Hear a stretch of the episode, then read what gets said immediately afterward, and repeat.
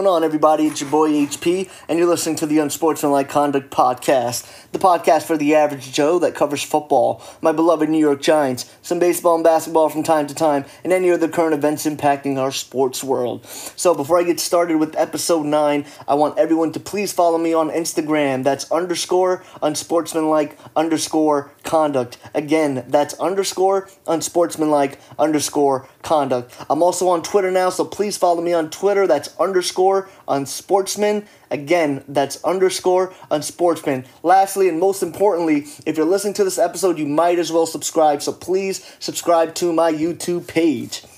So for episode 9, the agenda for today is going to be fantasy football. This whole episode is going to be dedicated to fantasy football. It's never too early to get your strategies and your research prepared for each NFL fantasy football draft.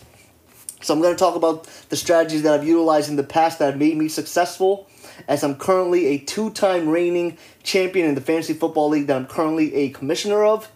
So I'm going to talk about my strategies that I've utilized in the past. I'm going to give you a top 10 ranking from a fantasy football perspective of each position, which includes quarterback, running backs, wide receivers, and tight ends. I'm also going to be talking about a couple of sleepers that I believe for this year's fantasy football draft are going to be successful that a lot of people are overlooking, which includes two New York Giants football players. So let's get this episode started.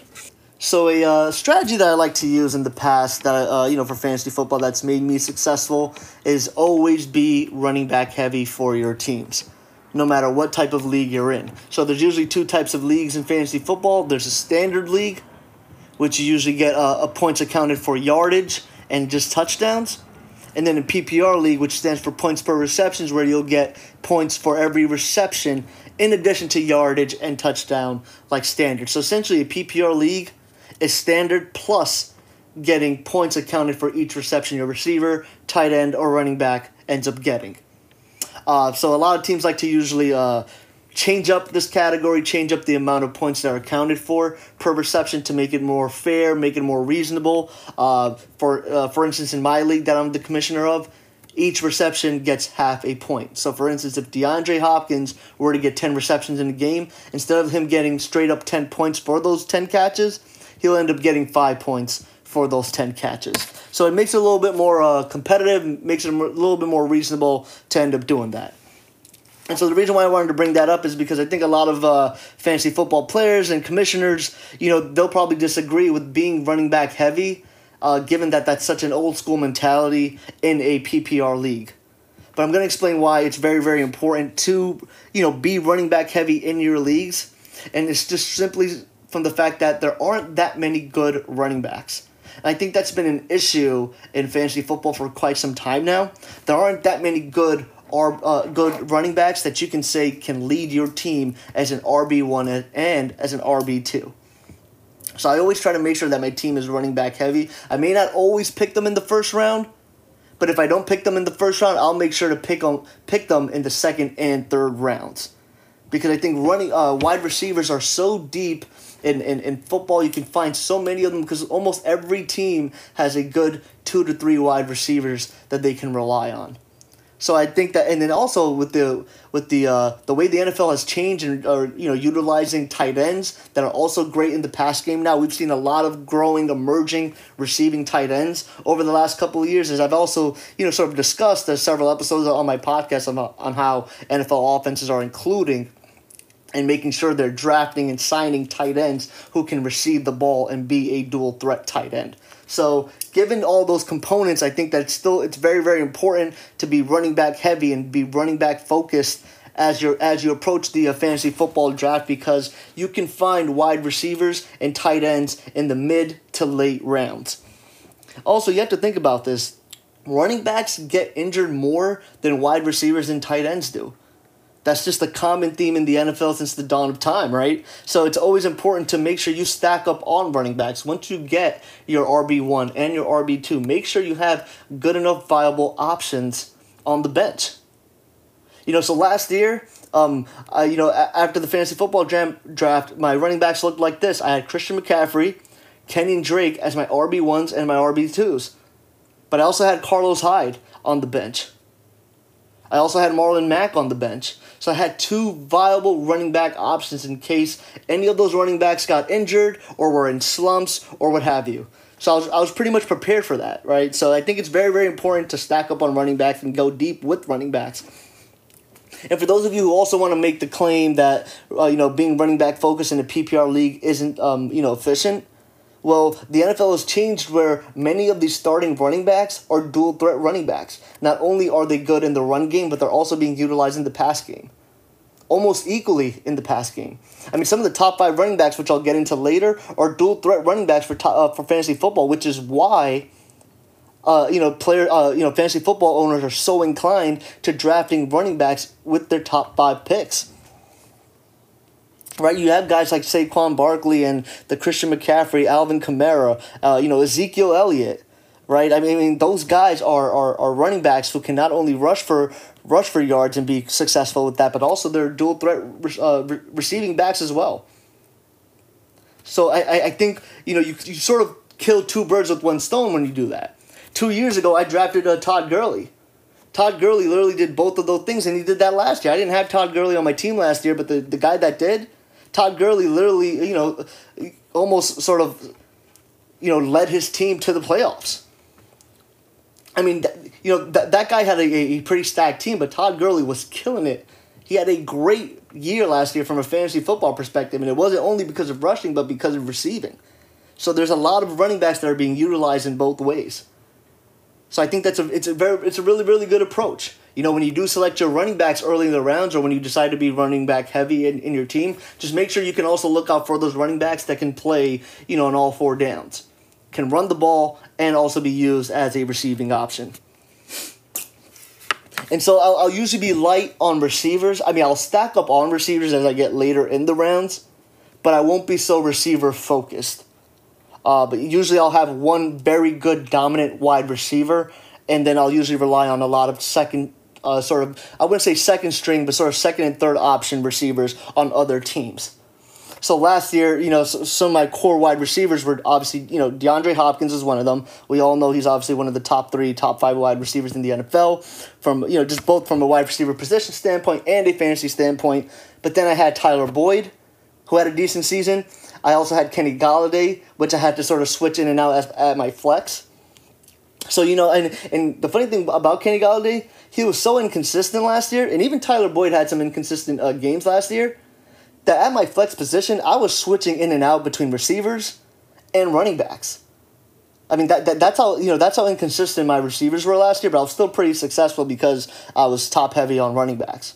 Uh, you know, because I ended up having McCaffrey and Marlon Mack sort of lead my team. Even for the first quarter of the season, uh, you know, Carlos Hyde had a pretty good uh, first quarter of the season with the uh, you know with the Cleveland Browns.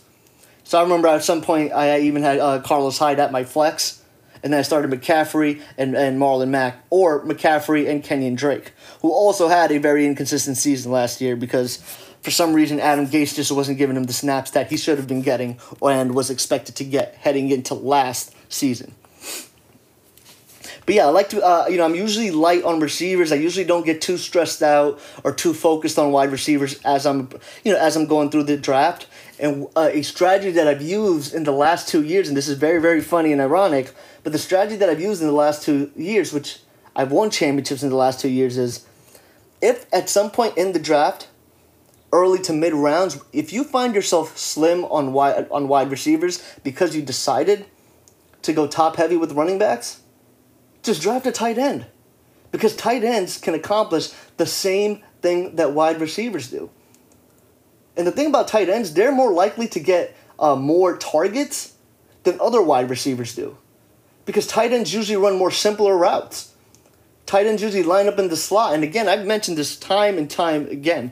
The NFL offenses have changed. This game has changed. The, the games are won in the middle of the field. There's no more sideline uh, throws anymore. I mean, not that there's no more sideline throws, but very rarely do you have big body receivers or or even outside receivers, you know, um, dominating the sidelines.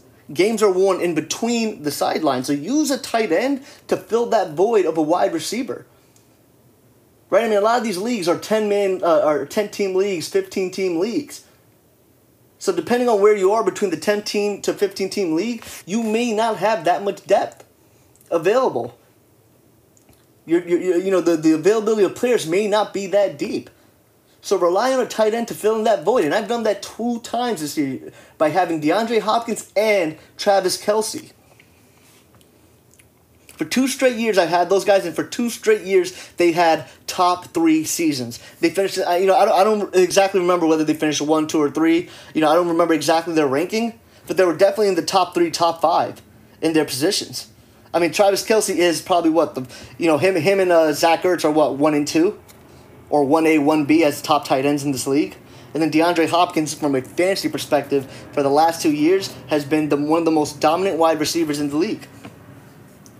So I, I decided to pick up Travis Kelce when I saw that my team is slim on wide receivers, and I've been pretty successful. And you can do that. There are just so many tight ends out there. There's so many tight ends out there. Zach Ertz, Travis Kelce, um, Greg Kittle, Evan Engram, Vance McDonald from the Pittsburgh Steelers, Eric Ebron, Jack Doyle, I mean, there are just so many tight ends, and I don't want to, you know, like list them all because I am going to get into that when I talk about my top 10 tight end rankings for fantasy football. So uh, I don't want to hold off on that, but, you know, again, use tight ends as a scapegoat for not having enough receivers or enough good receivers uh, in your roster as you're going through the rounds in fantasy football draft. Because there's going to be times where, you know, you may feel pressured or inclined to, you know, make a big leap – or a big guess on a wide receiver because you look at your roster and you're thinking, okay, I only have one good legitimate wide receiver and I'm in round three, in round four or five. So feel free to use three, four, and five, or or five rather, not all three rounds straight, but feel free to use one of those rounds to get yourself an elite tight end to fill in that void. And as you're going through the rounds and you're looking for wide receivers, another strategy that I'd like to, you know, sort of mention, you know, a lot I feel like a lot of people that play fantasy football don't know all the players that end up being available in the mid and late rounds. And which is okay because there's so many football players out there. Sometimes it's hard to keep up with all this stuff. I mean, there are times where I'll go through a draft and I'll be like, wait, who's this guy? Or who's he? So like sometimes that happens and that's okay. So statistic that you should rely on on wide receivers is the number of targets that that wide receiver has gotten. Uh, you know, in, in, the, in years prior. And even as you're going through the season and, and, and you're trying to get fantasy football pickups, just look for that number. Look for the number of targets versus just only receptions, yardage, and touchdowns. Because that's an indication of whether that wide receiver is going to be a transcending player in that coming season. So if a wide receiver gets five receptions in one game, but he's gotten 10 targets for that game, that's a good indication that the quarterback and the offense is relying and designing plays for that wide receiver to be successful. Right? So, but, you know, if a, if a wide receiver gets three, four, five receptions, but only gets, you know, five uh, targets or six targets, then maybe that's just an incl- uh, inclination that, you know what, that wide receiver isn't being used as much. Maybe there's other wide receivers that are getting more targets, more looks, and then also maybe the maybe that offense is more uh, run heavy than pass heavy. So those are some of the things that you should look out for as you're going through the draft. See the potential number of targets that that wide receiver can get and has gotten in the past. Also, depth charts very very important. As you get in the later rounds, the wide receivers that you're picking aren't going to be number one wide receivers. They're going to be the second option or the third option on their respective teams. So it's always good to look at the depth chart of those teams and again, you know, you only have a couple of minutes to find out who you want to pick. So that's okay if, uh, you know, you're not going to have everyone's depth chart in your head. But that's a good thing to sort of research about before you get into the fantasy football draft. Something to keep in mind of. Also, another thing to keep in mind of is is that all does that offense have a good quarterback to pass to the second uh, wide receiver or third wide receiver option, or is that offense more designed to be a run offense rather than a pass offense? Even though this, uh, you know, the NFL has changed to a very pass heavy league, there are a couple of teams out there that give their running back, you know, 15 to 20 carries a game and also rely on their running back to make a lot of plays out of the backfield as a receiving option. So those are also some of the things to look out for as you're going through the mid to late rounds looking for wide receivers. And then when you're looking for running backs, the same thing. There are going to be a lot, there are way more running backs that are going to be starting running backs that aren't going to be considered top five, top 10 running backs. Or maybe, uh, you know, running backs that might split carries with the number one running back. So another thing to look out for is not only depth chart at the running back position for those respective teams, but the number of carries. So a number of carries to me, from a running back standpoint, is equally as important as the number of targets for a wide receiver. Because carries and targets are equal opportunities. Right? That's essentially what it comes down to. The number of carries is the number of opportunities the running back gets, and the number of targets are the number of opportunities the wide receiver gets and more bigger from a grand scheme of things, the number of snaps is also another statistic to look out for as you get deeper into the fantasy football draft. What are the individual snaps going to look like, and what have they looked like in the past? And for, for those of you again who don't know what a number of snaps is, essentially means how many times are is that player on the football field. So that's what you want to look out for.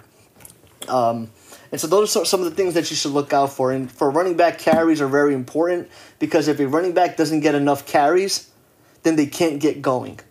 And the thing with running backs, you know, they need to get into their groove because, you know, every running back isn't getting four or five yards every carry. Even though their average their average may be four to five yards, but think about it, right? There are so many times where a running back gets one yards, two yards, even no yards or negative yards. It sometimes takes takes them the sixth, seventh, and even the maybe the tenth carry to actually get going. So you want to pay attention to the number of carries because that's very, very important. And then for those teams that are using dual uh, running back systems, you want to see what that's going to look like in the past. What they've uh, so who have they sort of relied on uh, from a carry perspective mostly throughout games. Who do they use in passing down situations? And who do they use when they get into the red zone? Which which running back is being utilized the most as they get to the red zone? So, so those are some of the statistics you want to look out for. Those are sort of the tendencies you want to look out for as you're going through the draft and trying to find that sort of, you know, find depth at running back positions. Because if you think about it, right, there's so there are a couple of teams out there that like to use two running backs a lot. Two running backs that will get a good amount of snaps. Right. This year we'll probably see Kansas City Chiefs do that. We're you know we're, we're going to see the Colts do that as well. I'm pretty high on Marlon Mack, but he might be uh, you know splitting carries as he's done in the past with the uh, Hines. You know, well, you know the Miami Dolphins will probably do that with the uh, Kalen Ballage and uh, uh, Kenny Drake, which I like both of those running backs. Both those running backs are probably going to split carries in time. And then another team I like to think about that off the top of my head, the Tampa Bay Buccaneers with Peyton Barber and uh, and um, Ronald Jones. So there are a couple of teams that have more than one good running backs, and they may end up splitting carries, and the the the, the amount of carries and the snaps may be inconsistent and volatile throughout the year. So that's also something to look out for and consider as you're going through the NFL draft, looking for this talent. And then just another thing that I'd like to point out, I feel like a lot of times te- uh, you know, fantasy football team owners will end the football draft being either too excited about their team or too down about their team. Either they're too happy about the selection and the players that turned out in the fantasy football draft, or they probably think that they didn't have the most successful draft. In either way that you think about or feel about your team at the end of the draft, just know this and remember fantasy football is a long game you have to think about the long game. You don't win fantasy football championships by drafting well.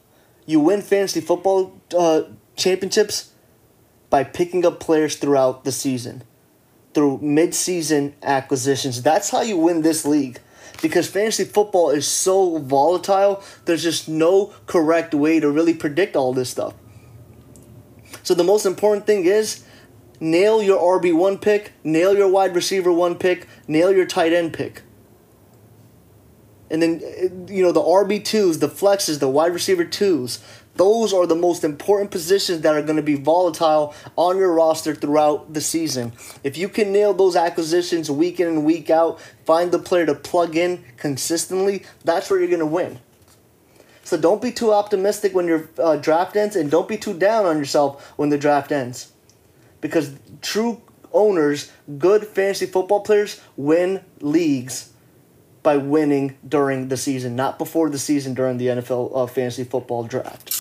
So now let's get into rankings, position rankings. I want to start off with quarterback. So for each position, quarterback, running back, and wide receiver, and also tight end, I'm going to give my top 10 position rankings from a fantasy football perspective. So before any of you folks say, why isn't this player in your top 10? He's better than this guy, and he's won this many championships. This has nothing to do with championships, and this has nothing to do with team wins. This has everything to do with statistics that will get these quarterbacks, running backs, receivers, and tight ends good amount of points to help your fantasy football team win. So we're going to start off with the top 10 fantasy football quarterback rankings. At number 1, I have Indianapolis Colts quarterback Andrew Luck. I think right now, just looking at sort of my notes right now, I think Andrew Luck has one of the more complete offenses than any other quarterback in the NFL. At wide receiver, there's depth. At tight end, there's depth. And even at running backs, they have a good, solid backfield. At running back, their offensive line has tremendously improved, as we saw last year. Andrew Luck had a great comeback career year last year. Arguably could have even been uh, MVP. So I think Andrew Luck from a fantasy football perspe- perspective, is the number one quarterback heading into the 2019 NFL season. At number two, I ha- we're staying in the same division, and I have Houston Texans quarterback Deshaun Watson. Deshaun Watson, for the last two years, has been on a tear from a fantasy football perspective. I think this year is the year where he just even takes that into another level. His career is clearly on a trajectory. trajectory uh, he's a transcending player. He can do it both with his feet and with his arm. He's a really great player, and I you know expect him to be one of the more better quarterbacks overall in the next couple of years. I have him at number two behind Andrew Luck. And number three, one of my favorite quarterbacks in the NFL. I think a lot of New York Giants fans are going to hate me for saying this, but Carson Wentz, quarterback for the Philadelphia Eagles. I think he's coming back with a very big chip on his shoulder. When Carson Wentz plays and is healthy, he's arguably one of the best quarterbacks in the NFL. Expect him to have a big season. They just signed DeSean Jackson so I think this Eagles team is very deep with wide receiver options. We all know they have Zach Ertz. Um, you know, they have Alshon Jeffery, Nelson Agholor. You know, this team is pretty deep with wide receivers. This team has always been very pass heavy since Carson Wentz has been in the league. So, you know, I think this is going to be a very, very good uh, season for Carson Wentz, and there's a lot for him to uh, to prove this year. You know, two years ago he was about to be MVP until he got injured and Nick Foles came in and replaced him. I think he's going to have a MVP like season this year as well. So I have him at number three from a fantasy football perspective. And at number four, I have Green Bay Packers quarterback Aaron Rodgers. Similarly to the Indianapolis Colts, I feel like the Green Bay Packers have a complete set of talent on the offensive side of the ball to not only keep pressure off of Aaron Rodgers this year, but also allow him to consistently put up great high octane numbers for that offense. We all know the Green Bay Packers have a pretty good offensive line. They also have a good backfield with Jamaal Williams and Aaron Jones. And both of those running backs, by the way, are pretty decent coming out of the backfield from a, uh, from a receiving standpoint. So that will take pressure off of Aaron Rodgers. And also, we all know Davante Adams is one of the best wide receivers in the game. So Aaron Rodgers is obviously going to have a field day throwing it to him again for another year. And they have some, uh, you know, up and coming wide receivers with Marquez Valdes-Scantling and Equanimeous St. Brown. So I think with those two new players, and then in, in, in, the, in addition to Jimmy Graham, I think Aaron Rodgers is set up for another big year from a statistical standpoint. I think the Green Bay Packers will also, you know, might are also going to be competitive, but I think Aaron Rodgers is also going to be have a great statistical year from a fantasy football perspective. And then at number five, I have Los Angeles Rams quarterback Jared Goff. You know, similarly to the other teams like the Green Bay Packers and the Indianapolis Colts, the Los Angeles Rams have a very explosive offense. The Los Angeles Rams have a better offense than the Green Bay Packers and the Indianapolis Colts. Don't get me wrong, we all know that they're capable of scoring 30 points a game. They have the most complete set of wide receivers. They have a good offensive line, and they, and they've shown, you know, with the absence of Todd Gurley, they can uh, you know plug and play any running back that can be and, and be successful in that system. You know, I'm just looking at this list of wide receivers: Robert Robert Woods, Brandin Cooks, Cooper Kupp, and then when Cooper Kupp got hurt, they ended up having Josh uh, Reynolds fill in this position. And Josh Reynolds had a pretty successful, was doing pretty well He was doing pretty well replacing Cooper Kupp, and then at tight end they have Tyler Higbee. So you know Jared Goff, and this is the reason why Jared Goff has been uh, you know pretty successful last year uh, from a fantasy football perspective, because that team scores so many points, and they can do it both through running and passing. And again, you know, look, they relied on Todd Gurley last year to also be that receiving option for them as well. So I think from a receiving standpoint, Jared Goff sits pretty well you know, there hasn't been many uh, material changes to that offense from a wide receiver standpoint. So, you know, expect Jared Goff to have a big year. The reason why I have him at number five, even though the Los Angeles Rams probably have the best offense in the whole, probably in the whole uh, NFL, is the fact that I don't trust Jared Goff's talent to be better than Aaron Rodgers, Aaron Rodgers, Carson Wentz, Deshaun Watson, and Andrew Luck. That's why I have him at rank number five. But nevertheless, being at number five is still great. And then number six is the quarterback that people are probably wondering at this point why isn't he in your top five? Is Kansas City Chiefs quarterback Patrick Mahomes. The only reason why I don't have him in the top five is because this is this is going to be the first full year without Kareem Hunt. And don't get me wrong, I like Damien Williams a lot. Damien Williams helped me win a fantasy football championship, but Damien Williams is not nearly as good of a player as Kareem Hunt is. And Kareem Hunt took a lot of pressure off of Patrick Mahomes, not only from a rushing standpoint, from a but also from a receiving standpoint. I mean, there were times where Kareem Hunt had big plays coming out of the backfield as a receiving back. And then they're also going to lose Tyreek Hill this year. Tyreek Hill is one of the main receivers that helped that offense be as ex- as explosive as it was. Because if Tyreek Hill wasn't getting the ball, he was definitely getting the attention which allowed other receivers to make big plays, which allowed Travis Kelce to be as as as much of a threat as he is. And don't get me wrong, Travis Kelce was a good tight end without Tyreek Hill.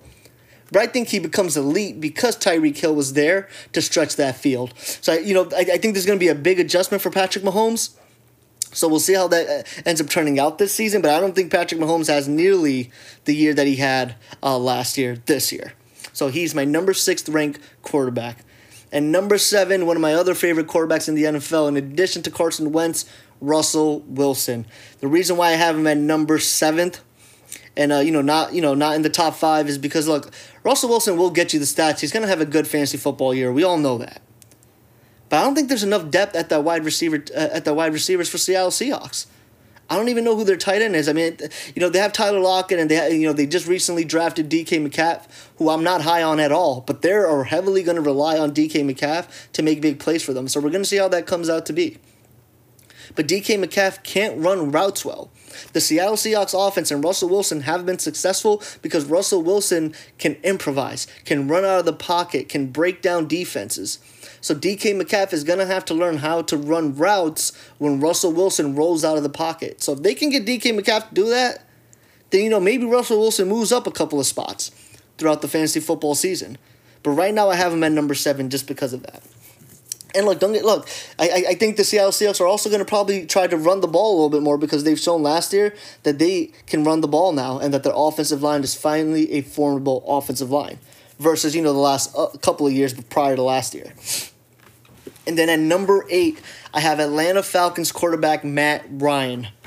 Matt Ryan should have a pretty good year this year again. He has Calvin Ridley for year two. He has a uh, Julio Jones. And he also has Austin Hooper, so they have some depth there. They have a couple of receiving options there for Matt Ryan have fun with. We all know that that offense is explosive from a passing perspective. However, I am not too crazy about their running game. So I think because of that, Matt Ryan is going to be forced to pass the ball more than run run the ball. And I know a lot of you are thinking, well, isn't that a good thing? Don't we want Matt Ryan to throw the ball more? But the thing is this. If Matt Ryan's forced to throw the ball more, it's going to put a lot of pressure on that Falcons offense, and that Falcons offense is going to be more predictable than ever. So just for that reason, I have him at number eight and not in the top five. And number nine, I have New Orleans Saints quarterback Drew Brees. The re- look, Drew Brees is going to have the 4,000 yard year. He's going to have the, you know, 25 to 30 touchdowns. You know, he's going to have a good year. He doesn't make a lot of mistakes. He's not going to throw a lot of interceptions. It's been quite some time since Drew Brees has had one of those years where he throws, you know, a lot of interceptions in the season. But I don't know how much how much better this uh, New Orleans Saints offense got from a wide receiver standpoint. I mean, you got Michael Thomas, who we know is a who who who's absolutely a stud and who had a tremendous career year last year. But then the only improvement that I can actually think of is Jared Cook.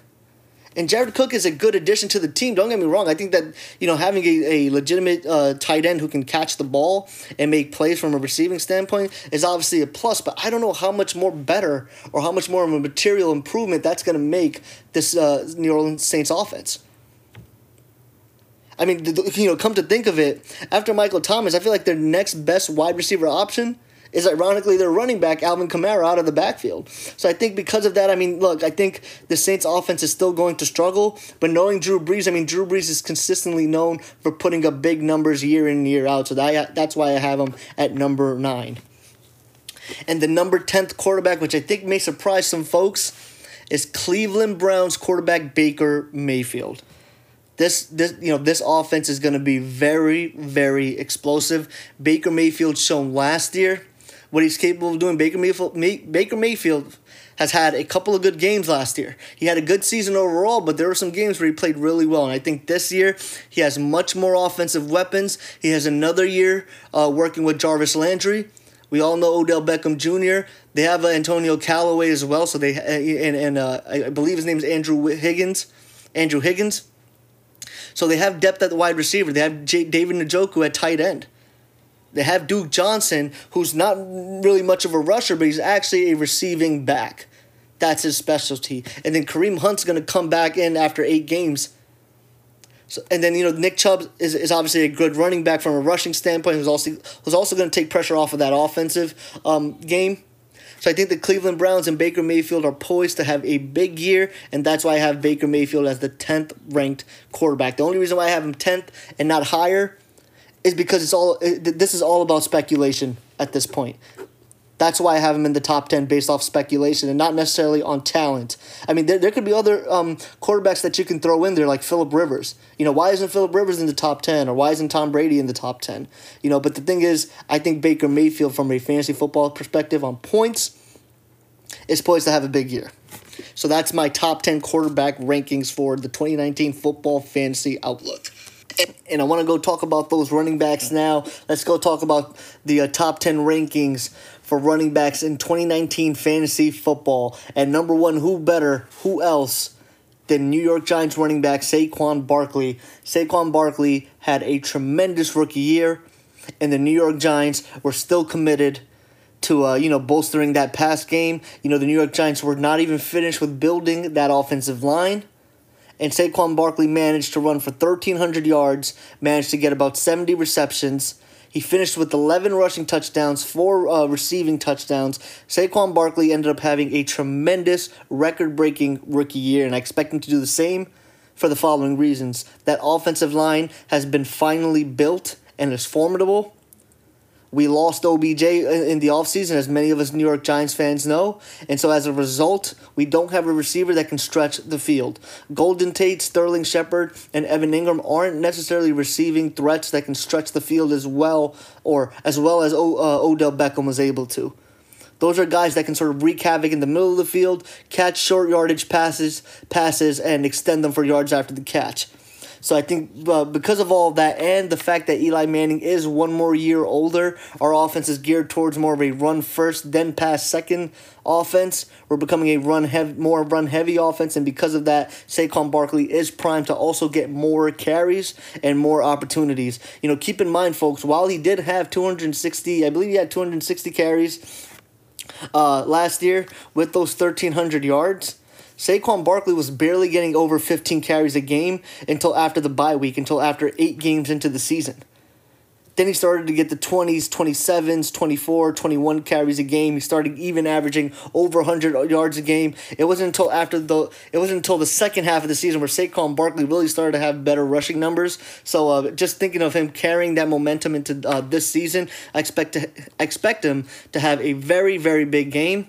I think uh, with given the personnel that we have, I think Saquon Barkley will probably get even more used in our offense, given that we're short one elite receiver since Odell Beckham did lead the offense. Uh, so again, expect Saquon Barkley to uh, to wreak havoc this year, and he is my number one uh, f- running back for fantasy football. Uh, you know, and ironically, number two is the person you know, this running back, I figured, you know, last year, it was, it, you know, it's funny. Last year, I thought, okay, if I ever get the first overall pick, it's going to be between Saquon Barkley and this guy. And that number two, New Orleans Saints, Alvin Kamara, is my second ranked running back for fantasy football. And again, last year when I want when it, you know it was a toss up between Saquon and Alvin Kamara had I gotten first overall pick, and at this time Alvin Kamara was still splitting snaps and carries. Excuse me, with Mark Ingram. Now that Mark Ingram's on the Baltimore Ravens, this backfield is all owned by Alvin Kamara. Similarly to Saquon Barkley, Alvin Kamara is a dual threat running back who, you know, he may again he's similar to Barkley where this guy is has the potential to obviously get a thousand rushing yards, but get close to a thousand receiving yards. It's not too many people that uh, you know have the capability of doing that. Him and Saquon Barkley are essentially one and two. The reason why I have Saquon Barkley over Alvin Kamara is because the New Orleans Saints do have Michael Thomas. The New Orleans Saints do throw the football out. Drew Brees does get 30 touchdowns a year. He does get over 4,000 yards consistently on a yearly basis. You know, New Orleans you know, the Saints do want to throw the ball down the field. Whereas we've seen last year, the New York Giants are, have become steadily a run first offense and have been overutilizing Saquon Barkley. I think from uh, uh, New Orleans Saints perspective, I think the Saints try to make get a better balance of that rather than what the New York Giants try to implement on the offensive standpoint. So Alvin Kamara is my number two ranked running back, but again, you know I'm looking at my top three, top four uh, rankings at running back, and you can kind of have any of these guys at number one. So that's sort of what the uh, tricky thing about this running back ranking is, because at number three, I have Christian McCaffrey. You know, Christian McCaffrey is again very similar to Alvin Kamara and Saquon Barkley. The only difference between Saquon Barkley and the other two running backs I mean, excuse me, between Christian McCaffrey and the other two running backs is that the other two running backs are a little bit more better at running in between the tackles than uh, Christian McCaffrey is. Also, these two, uh, Saquon Barkley and Alvin Kamara, will probably get way more carries than Christian McCaffrey is. I feel like there's still this sort of question up in the air uh, by the Carolina Panthers of how many carries do we want to give Christian McCaffrey. Uh, I don't know if many of you saw the report or even the picture. Christian McCaffrey has gotten huge this guy has like super bulked up over the offseason, and I think he's ready to take a bigger load from a carries standpoint. We've seen him do really well last year, and I expect him to do the same. I think out of all the three running backs between McCaffrey, Kamara, and Barkley, I think McCaffrey's actually the best receiving back of those three. I, I don't think you can go wrong with picking either either of the three. I think uh, Saquon Barkley, uh, you know, I would pick him number one. I mean, I guess there is some sort of bias because I am a New York Giants fan, but uh, again, you know, if you have number one overall pick, you you know you can't go wrong with picking any of these three. And from a PPR perspective, and look, I had McCaffrey last year. From PPR perspective, McCaffrey was sometimes you know sort of picking up the slack for other receivers that were unable to perform on that Sunday. And that's the greatest thing about these three running backs, Saquon Barkley, Kamara, and McCaffrey, is that if one of your receivers, if one of your flex option guys or your tight end isn't performing as well that Sunday, you know for a fact that these three running backs will definitely make up for that slack. You know, these three running backs on any given night, any given Sunday, can get you between 20 to 30 points which ends up sort of making up for other positions that can barely hit the 10 point mark on some Sundays. At number four, I have Ezekiel Elliott, Dallas Cowboys running back. You know, Ezekiel Elliott has been getting a crap ton of carries ever since he came into the league. This is his rookie contract. I think this is his uh I think his rookie contract is up at the end of this season, this coming season. So, you know, this this is going to be very very interesting for Ezekiel Elliott. You know, I think he is the fourth best uh, running back out of all the three from a fantasy standpoint. Uh, but again, he's very, very similar to the other three. He is known for catching balls out of the backfield as well. Uh, but you know he does have some uh, legal question marks up in the air. He did recently get arrested. I think I did even read a report that the NFL is out to get him. The NFL is out to punish Ezekiel Elliott for his off the field antics. I think out of all these four running backs between Barkley, Kamara, McCaffrey, and Zeke, you know, the more safer bets in terms of staying on the field longer, not getting suspended, playing every Sunday. You know, you got to take your bet with more, uh, more with Saquon, Alvin, and uh, McCaffrey rather than Ezekiel Elliott. But again, Ezekiel Elliott, he is just as good as any running back in the NFL. I think from a pure running standpoint, him and Saquon Barkley are 1A and 1B. And number five, I have James Conner, running back from the Pittsburgh Steelers. James Conner is a very explosive running back. He's shown how well he can do. He's shown that that Steelers offensive line, you can put almost anyone behind that Steelers offensive line and they will perform well. James Conner is poised to have a very big year. I think this is the year where the Steelers won't have distractions. Again, that there, there haven't been material changes to that offensive line. I think uh, you know James Conner is poised to have another big year. I have him as my fifth ranked running back. At number six, I have Melvin Gordon, running back from the Los Angeles Chargers. Uh, again, you know, similarly to James Conner, like I think he's going to have a great season. And you know, now that I think about it, you know, I mean, look, Melvin Gordon has been a great runner. He has had some issues with injuries and staying on the field, but last year he's shown, maybe with the exception of towards the latter end of the season, Last year, he's shown that he can stay healthy, he can play a good amount of games, and consistently get you good stats. And you know, now that I'm looking at it, one through six, the guys that I named one through six, all these guys can receive out of the backfield. I mean, that is how dynamic these NFL offenses have become, and how much and how important it is to have a dual threat running back on your team. And number seven, I don't think a lot of people have this running back as high as I do, but I'm a big fan of this running back. Cincinnati Bengals running back Joe Mixon. Now, the only thing is, Joe Mixon needs to stay healthy. But if Joe so if Joe Mixon stays healthy, I you know I have him having a very big year. I think there's a lot of inconsistencies in that passing game from the Cincinnati Bengals. There's a big question mark up in the air about Andy Dalton, but the big question mark has never been around Joe Mixon. Joe Mixon has been in uh, has been in the league for two years now and has been and has had some pretty good seasons so far. So expect Joe Mixon again to have a great season this year. At number eight is another running back that I don't think a lot of uh, folks have ranked as high is uh, Aaron Jones, running back from the Green Bay Packers. When uh, Aaron Jones came back from what I believe was a suspension, he balled out. Aaron Jones balled out for the Green Bay Packers, and this was when Aaron Rodgers was injured. I mean, Aaron Jones was probably the only offense that the Green Bay Packers were able to produce during that during, during the you know sort of the later half of that season. I think he's definitely going to be a a very impactful running back this year. I think he's getting overlooked a lot by many people who are sort of uh, looking doing their research on fantasy football. But if you are sort of, he's definitely someone that you should pick up in the second round. I have Aaron Jones going in the second round. I think any of these running backs that I'm naming 1 to 10 can go between rounds 1 to 3. Again, he didn't play all of 2018, but when he did, he played well. He averaged five and a half rushing yards, got eight touchdowns, 26 receptions, 700 uh, rushing yards, and this is all on 133 attempts. So imagine what Aaron Jones can do on a full, healthy uh, season where he's not suspended, not injured. I think he's going to be really, really good for the Green Bay Packers. And I think he's also going to take a lot of pressure off of Aaron Rodgers and may even be used, again, as a dual threat running back out of the backfield. And then at number nine, I have David Johnson. You know, I think this is one of the first years in quite some time that David Johnson has been ranked as low in my fantasy football rankings from a running back perspective. You know, David Johnson didn't have the greatest rushing year last year. He was still effective from both the rushing and receiving standpoint. Don't get me wrong, but just naming all these running backs before him that I named one through uh, eight, I think those guys are just better than David Johnson. Those guys are younger than David Johnson. Those guys haven't went through grueling injuries such as David Johnson. So I do expect, uh, you know, you know, I do expect David Johnson to have a good year but I'm not sure. I'm not sure how much more the Arizona Cardinals' offensive line has improved in the offseason uh, for David Johnson to have a better year than guys like Saquon, Alvin Kamara, McCaffrey, Zeke, James Conner, Melvin Gordon, Joe Mixon, and Aaron Jones. I don't think the Arizona Cardinals necessarily addressed that in the draft or the offseason. So I think that's going to be a very, very interesting thing to see and a story to follow for David Johnson's uh, season this year. Uh, you know, and again, because that offensive line isn't that good, because they do have Kyle Murray, a rookie quarterback under center, I do expect David Johnson to get a lot of receptions.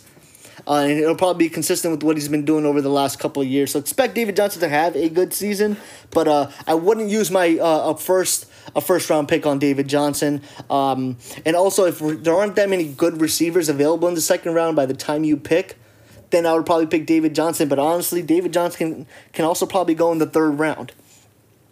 And then a number 10 this is a running back that I'm really, really high on, and I hope that no one takes him between rounds one to two because I I, I picture myself taking uh, this person uh, with uh, with the third round or the fourth round pick possibly, and that's Tennessee Titans running back Derrick Henry.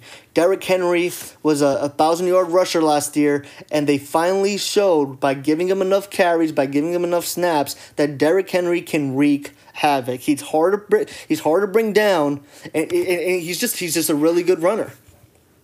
They, they, and, and he's shown that over you know towards the latter end of last year, and I think that he's gonna have a really good year this year. You know the Tennessee Titans don't have a premier pass attack, and they're they're gonna have to rely on Derrick Henry a lot this year, and they should, from an offensive perspective. And uh, so that's my uh, th- those are my top ten running backs for this year's uh, fantasy football outlook. I know at this point you're probably wondering why isn't running back Todd Gurley and Le'Veon Bell included in your top ten. Look, I only included top ten guys who I would consider picking at either rounds one or round two. But honestly, I don't know if I would pick Todd Gurley at round one or round two.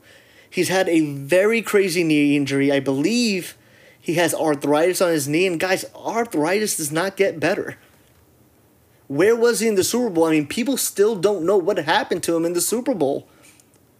His knees broke down on him, and that it just really scares me. And I haven't really read enough yet on Gurley to make me feel good about Gurley going in the first round. I would steer, I would you know like steer clear of getting Gurley with the first round pick or the second round pick. Focus on getting talent that you know can come in right away and, and produce and get you RB1 stats and wide receiver 1 stats. And as it goes for Le'Veon Bell, we haven't seen Le'Veon Bell play in an entire football season. We don't know if Le'Veon Bell is in shape. Uh, you know, and, and look, he's probably in shape, but there's a difference between being in shape and football shape. Le'Veon Bell hasn't been hit for an entire year. He hasn't run plays for an entire year. And like reports are out, he hasn't even been to OTAs. And don't get me wrong, I'm one of the people that look, if you've been in the league for quite some time, you don't have you shouldn't get scrutinized for not going go uh, showing up to OTAs. But Le'Veon Bell, you have been away for football for an entire season, and after being away for an entire season, you're on a new team and you decide not to go to OTAs.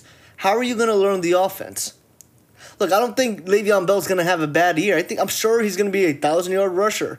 I'm sure he's going to be a dual threat running back as he's always known to be. Because, you know, I did mention Saquon, Alvin Kamara, and Christian McCaffrey, but from a pure route running standpoint, Le'Veon Bell is better than all three of those guys. But I'm just not sure he can perform as well as those three guys, given the fact that he's been a year away from football and he's on a new team with a new offense. And just to give everybody a little bit more background information, the Steelers have a solidified, great offensive line. The New York Jets do not. The New York Jets that is one of their biggest weaknesses, and they didn't they didn't address offensive line the way they should have in the offseason, during free agency, or the draft. So all that dancing around that Le'Veon Bell is used to doing behind the offensive line as he f- tries to find and uh, as he tries to uh, slither between the gaps and find his holes, he won't be able to have that much time to dance around with that New York Jets offensive line. It's going to be a very, very different type of offensive line for him, and and you know it might give him even a new perspective. He may have to even decide to learn how to run in a different way. His running style may end up changing because he has a new offensive line. So those two guys I would stay away from in the first two, three rounds. I know it sounds insane because they have top five talent, but just given the scenario and the details that I just mentioned, definitely stay away from those guys because it's just not worth it. There are other players that you can get that can make immediate impact. And, uh, and that was my ranking for running backs. You know, now let's go into top 10 wide receivers. And so the most common theme that you're going to hear throughout this listing of top 10 wide receivers is who else? And what I mean by who else is who else would the quarterback throw to? And based off that question for most of this top 10 list is how I came up with my rankings. So at number one, Mr. Inconsistency, excuse me, Mr. Consistency over the last couple of years, I've had this person in my last two fantasy football seasons and has helped me, has led me to two straight fantasy football championships uh, Houston Texans wide receiver DeAndre Hopkins. DeAndre Hopkins is a reception mas- machine. He will always get you between 90 to 100 catches a year, between 1,300 and 1,500 yards, and he is always primed to get 10 touchdowns. And the million dollar question who else? Who else is Deshaun Watson going to throw to? And you might mention Will Fuller, but Will Fuller isn't a threat to DeAndre Hopkins' reception stats, yardage stats, or touchdowns. He does not take away those categories, those phases of the game from DeAndre Hopkins. Because when DeAndre Hopkins has good stats, that's when this offense does well. That's when DeAndre, uh, that's when Deshaun Watson does well. That's when the Houston Texans win.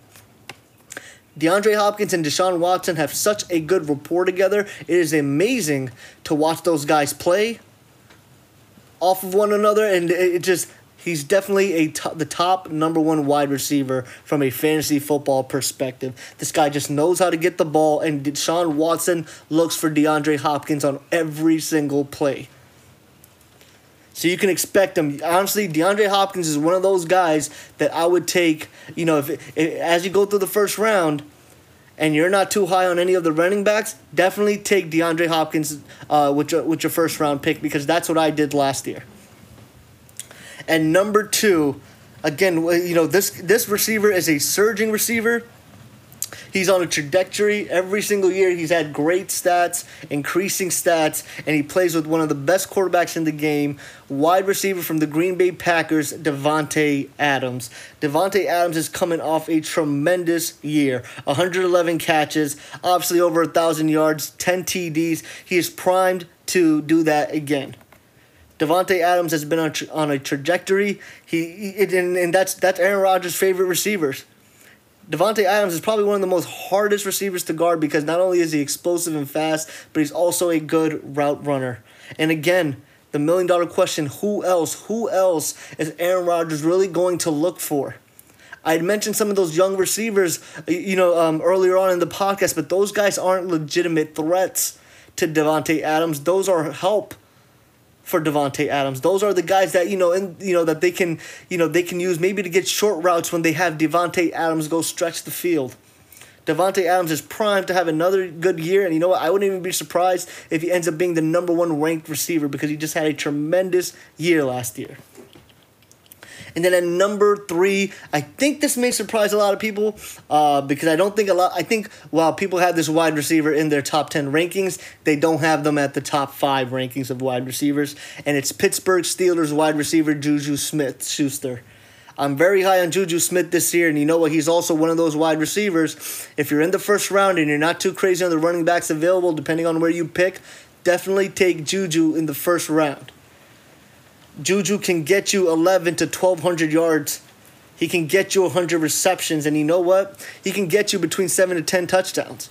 With AB, he was doing this, and he averaged seven touchdowns uh, in both of the years he's played in the NFL. Now that there's no Antonio Brown, who else is uh, Ben Roethlisberger going to throw to? Juju Smith is the clear number one option. Is going to be the clear bend all, uh, be all, be all, end all for that Pittsburgh Steelers passing offense. Expect Juju Smith to have a monster year once again.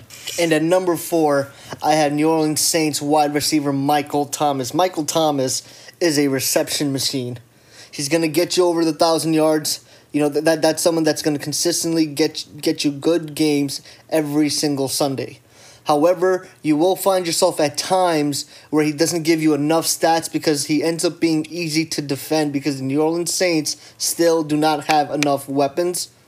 And Michael Thomas's versatility isn't as, from a skill standpoint, isn't the same the way Juju Smith is, Davante Adams, and DeAndre Hopkins, where you can sort of line those guys up in different places on the line of scrimmage, where Michael Thomas, you kind of sort of can't really do that. And the only addition they made to that uh, receiving corps, which, uh, you know, guys, correct me if I'm wrong, but I think it was Jared Cook. So while I think that's an addition and helpful to the offense, I don't think that's a material change to the offense. But nevertheless, Michael Thomas is going to ball out.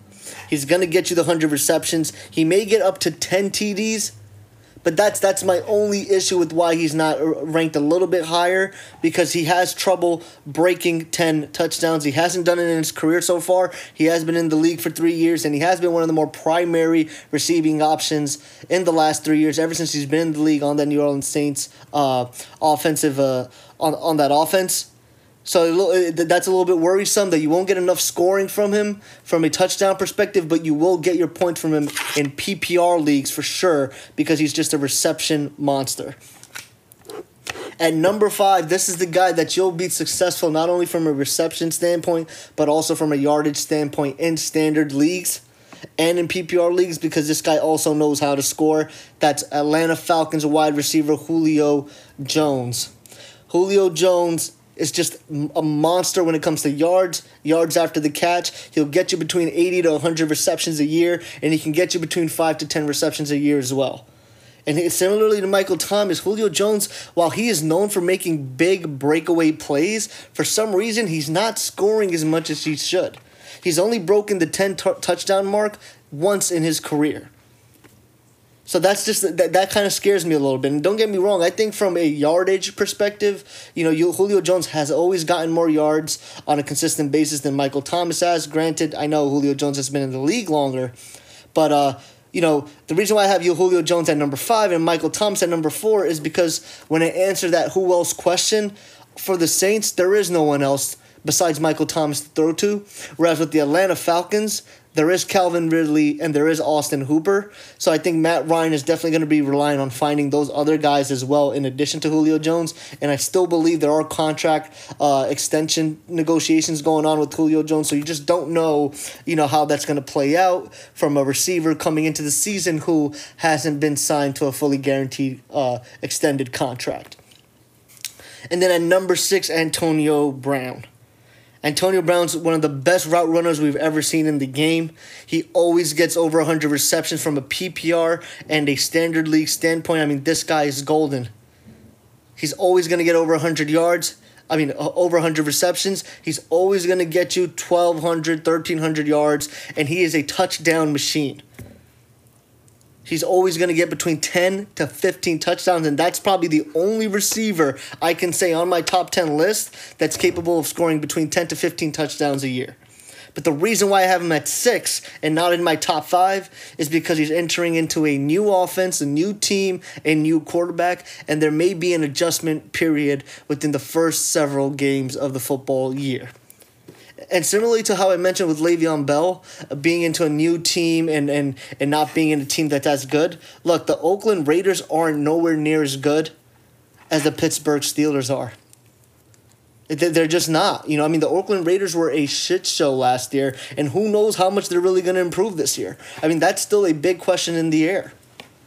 They didn't address offensive line the way they should have. So is Derek Carr going to get sacked 50, 60 times again? Or will he have enough time to actually find Antonio Brown? Because again, Antonio Brown's one of those guys he needs to let his routes develop.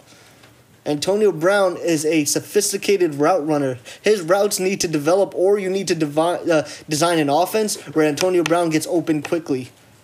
So that's just a big question mark there. And don't get me wrong, I'm not trying. I'm not trying to say that Antonio Brown is going to have a bad year. I still think he's going to have a good year, but you know, I can't have him over Julio Jones, Michael Thomas, Juju, Davante Adams, and DeAndre Hopkins because for me, those five guys are a for sure. I, I'm more confident in than Antonio Brown, just given the uh, cir- the new circumstance that Antonio Brown is in.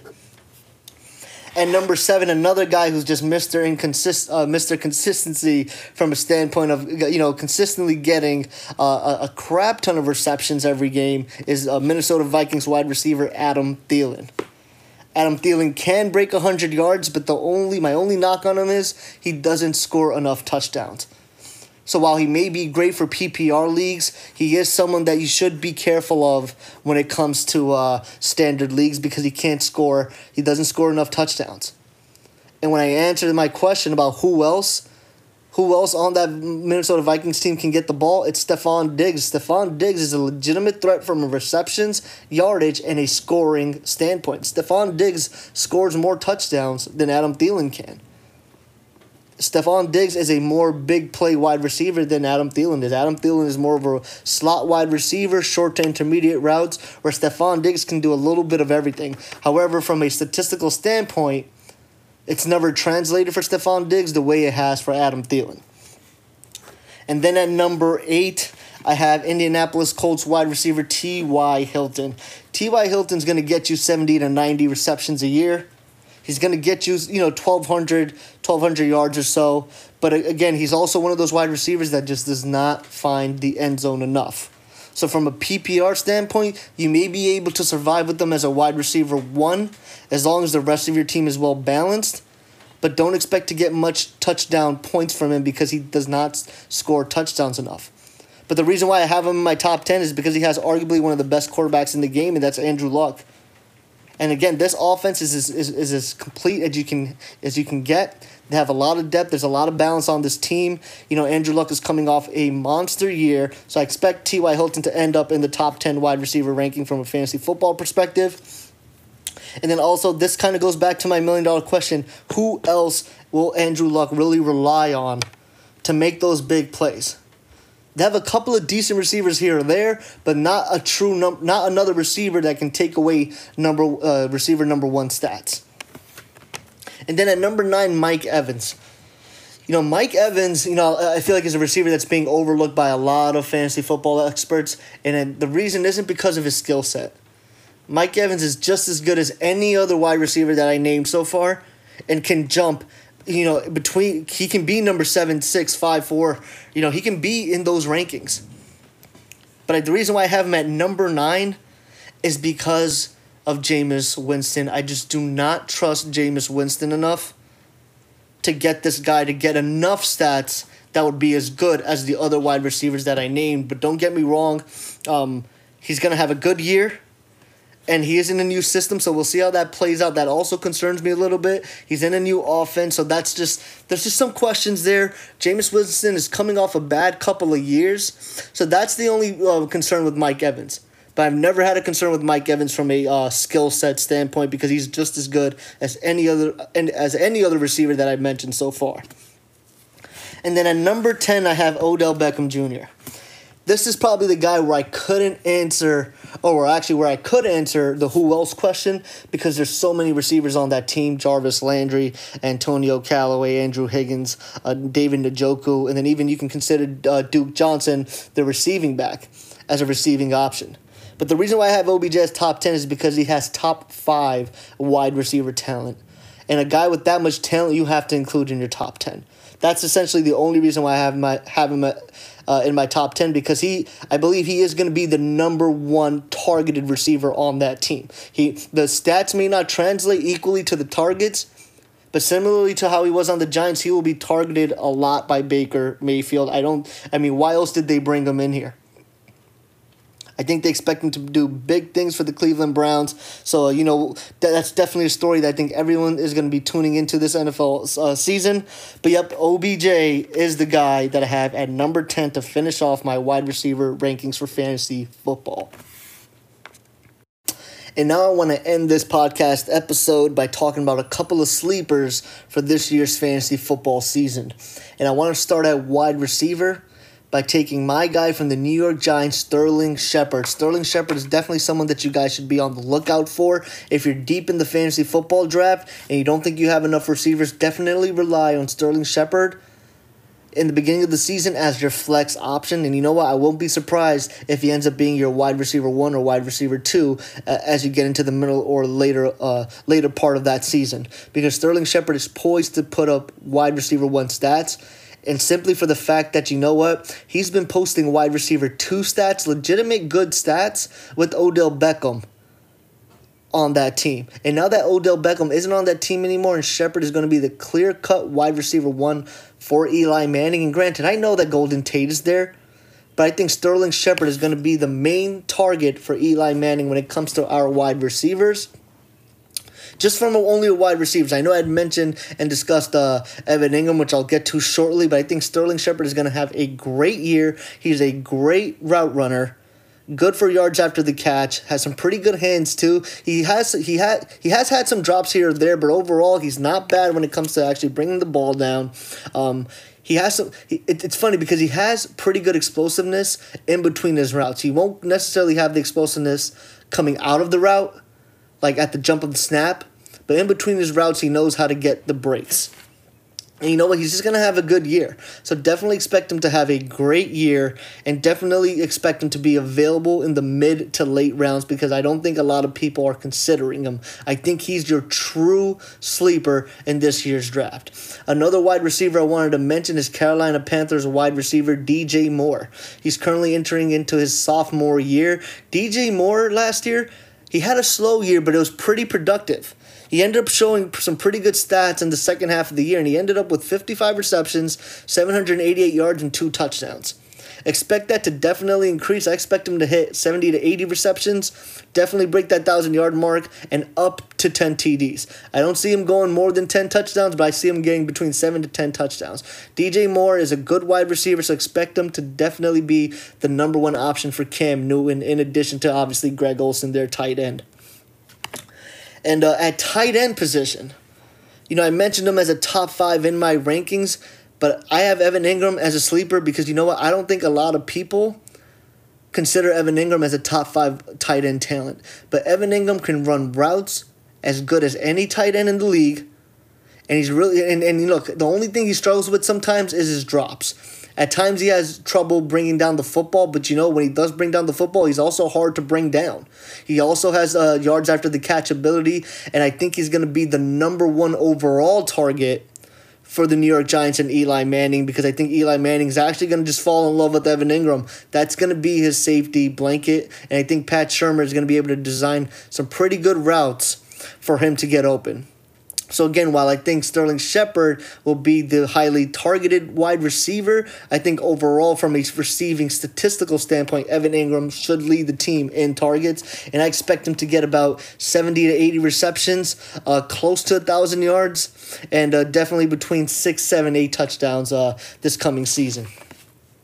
Another tight end that's a sleeper, and I don't think a lot of people are considering is Vance McDonald. Vance McDonald should have an expanded role this year because you know what? The Pittsburgh Steelers don't really have another wide receiver to throw to aside from Juju Smith. Had Antonio Brown still been on the Pittsburgh Steelers, I probably wouldn't be mentioning Vance McDonald's name, but definitely expect Vance McDonald to have a good year. I would wait to pick Vance McDonald until the later rounds versus Evan Engram because I think Evan Engram can definitely go in the second or third round. I think Vance McDonald's a tight end that definitely goes and is available in the later rounds. Um, but yep, that's definitely a tight end to look out for. And I think Big Ben will definitely rely on finding Vance McDonald uh, in the event that Juju Smith ends up uh, gets doubled because you know what, Juju Smith should be getting doubled a lot this year. Uh, obviously, Juju Smith will get his numbers and get his you know get his looks, but he will have times where he gets doubled. So definitely look for Ben Roethlisberger to look and find Vance McDonald. And then from a running back perspective, uh, two sleepers I have, and the reason why uh, is uh, so one of them is Derrick Henry, and I had Derrick Derrick Henry in my top ten ranking as a running back. And the fact is, I don't think a lot of people have Derrick Henry as their top 10. But Derrick Henry showed that he is more than capable of being a 1,000 yard rusher if given the opportunities. He split a lot of time with the Dion Lewis, but I think he's going to be the lead back this year. So expect him to hit a 1,000 yards and definitely get up to 10 touchdowns. I think this guy will be end up being a top 10, if not a top 15 running back at the end of the 2019 football season. And then another running back that I'm really, really high on. I've been high on him for the last two years, and he's helped me win a championship the last two years. Is running back from Indianapolis Colts, Marlon Mack. Marlon Mack is sort of is, is a top 15 running back. He's not in the top 10. I don't think um, a lot of people are really have him on his radar. But Marlon Mack is someone that you should definitely look out for because he's just good at running and not only making big plays, but also running in between tackles. He has saved me last two years when I've been slim on running backs. And the reason why I've been slim on running backs the last couple of years is due to injuries. I've also made some trades to get receivers, and um, and then also some running backs like Kenyan Drake weren't utilized the right way, and so that's the reason why I had to rely on uh, Marlon Mack. But definitely expect Marlon Mack to have a thousand yards rushing. He's definitely going to be someone that the Colts are going to rely on in the run game. And from my experience, he has been used while he doesn't get used on passing downs as much because of Hines, he will get used in rent, uh, for, for red zones. He will get his fair share of red zone touches. And another running back to consider is Damien Williams. A lot of people have forgotten about Damien Williams, but he should be the lead back for the Kansas City Chiefs. That's another running back that helped me win my championship last year. Damien Williams doesn't have enough of a sample to build off of, but I've seen enough from Damien Williams last year. He is a dual threat running back. Andy Reid knows how to scheme up plays for him. Not only will he be successful in the running game, he'll be successful in the passing game. And you know what? From a receiving standpoint, he may end up being top five from a receiving touchdown standpoint because they use them a lot in the passing game in screens and and and and and, uh, and drag routes out of the backfield. So expect Damien Williams Kansas City Chiefs running back to have a good year. And that's it, folks. That about wraps up episode 9 of the Unsportsmanlike Conduct podcast. Thanks, everyone, for tuning in. Please, again, make sure you follow me on Instagram. That's underscore unsportsmanlike underscore conduct. Also, follow me on Twitter. That's underscore unsportsman. And lastly, please make sure you subscribe to my YouTube page. Thanks so much for tuning in. Until next time, peace out. The podcast you just heard was made using Anchor. Ever thought about making your own podcast? Anchor makes it really easy for anyone to get started. It's a one stop shop for recording, hosting, and distributing podcasts. Best of all, it's 100% free. Sign up now at anchor.fm slash new. That's anchor.fm slash new to get started.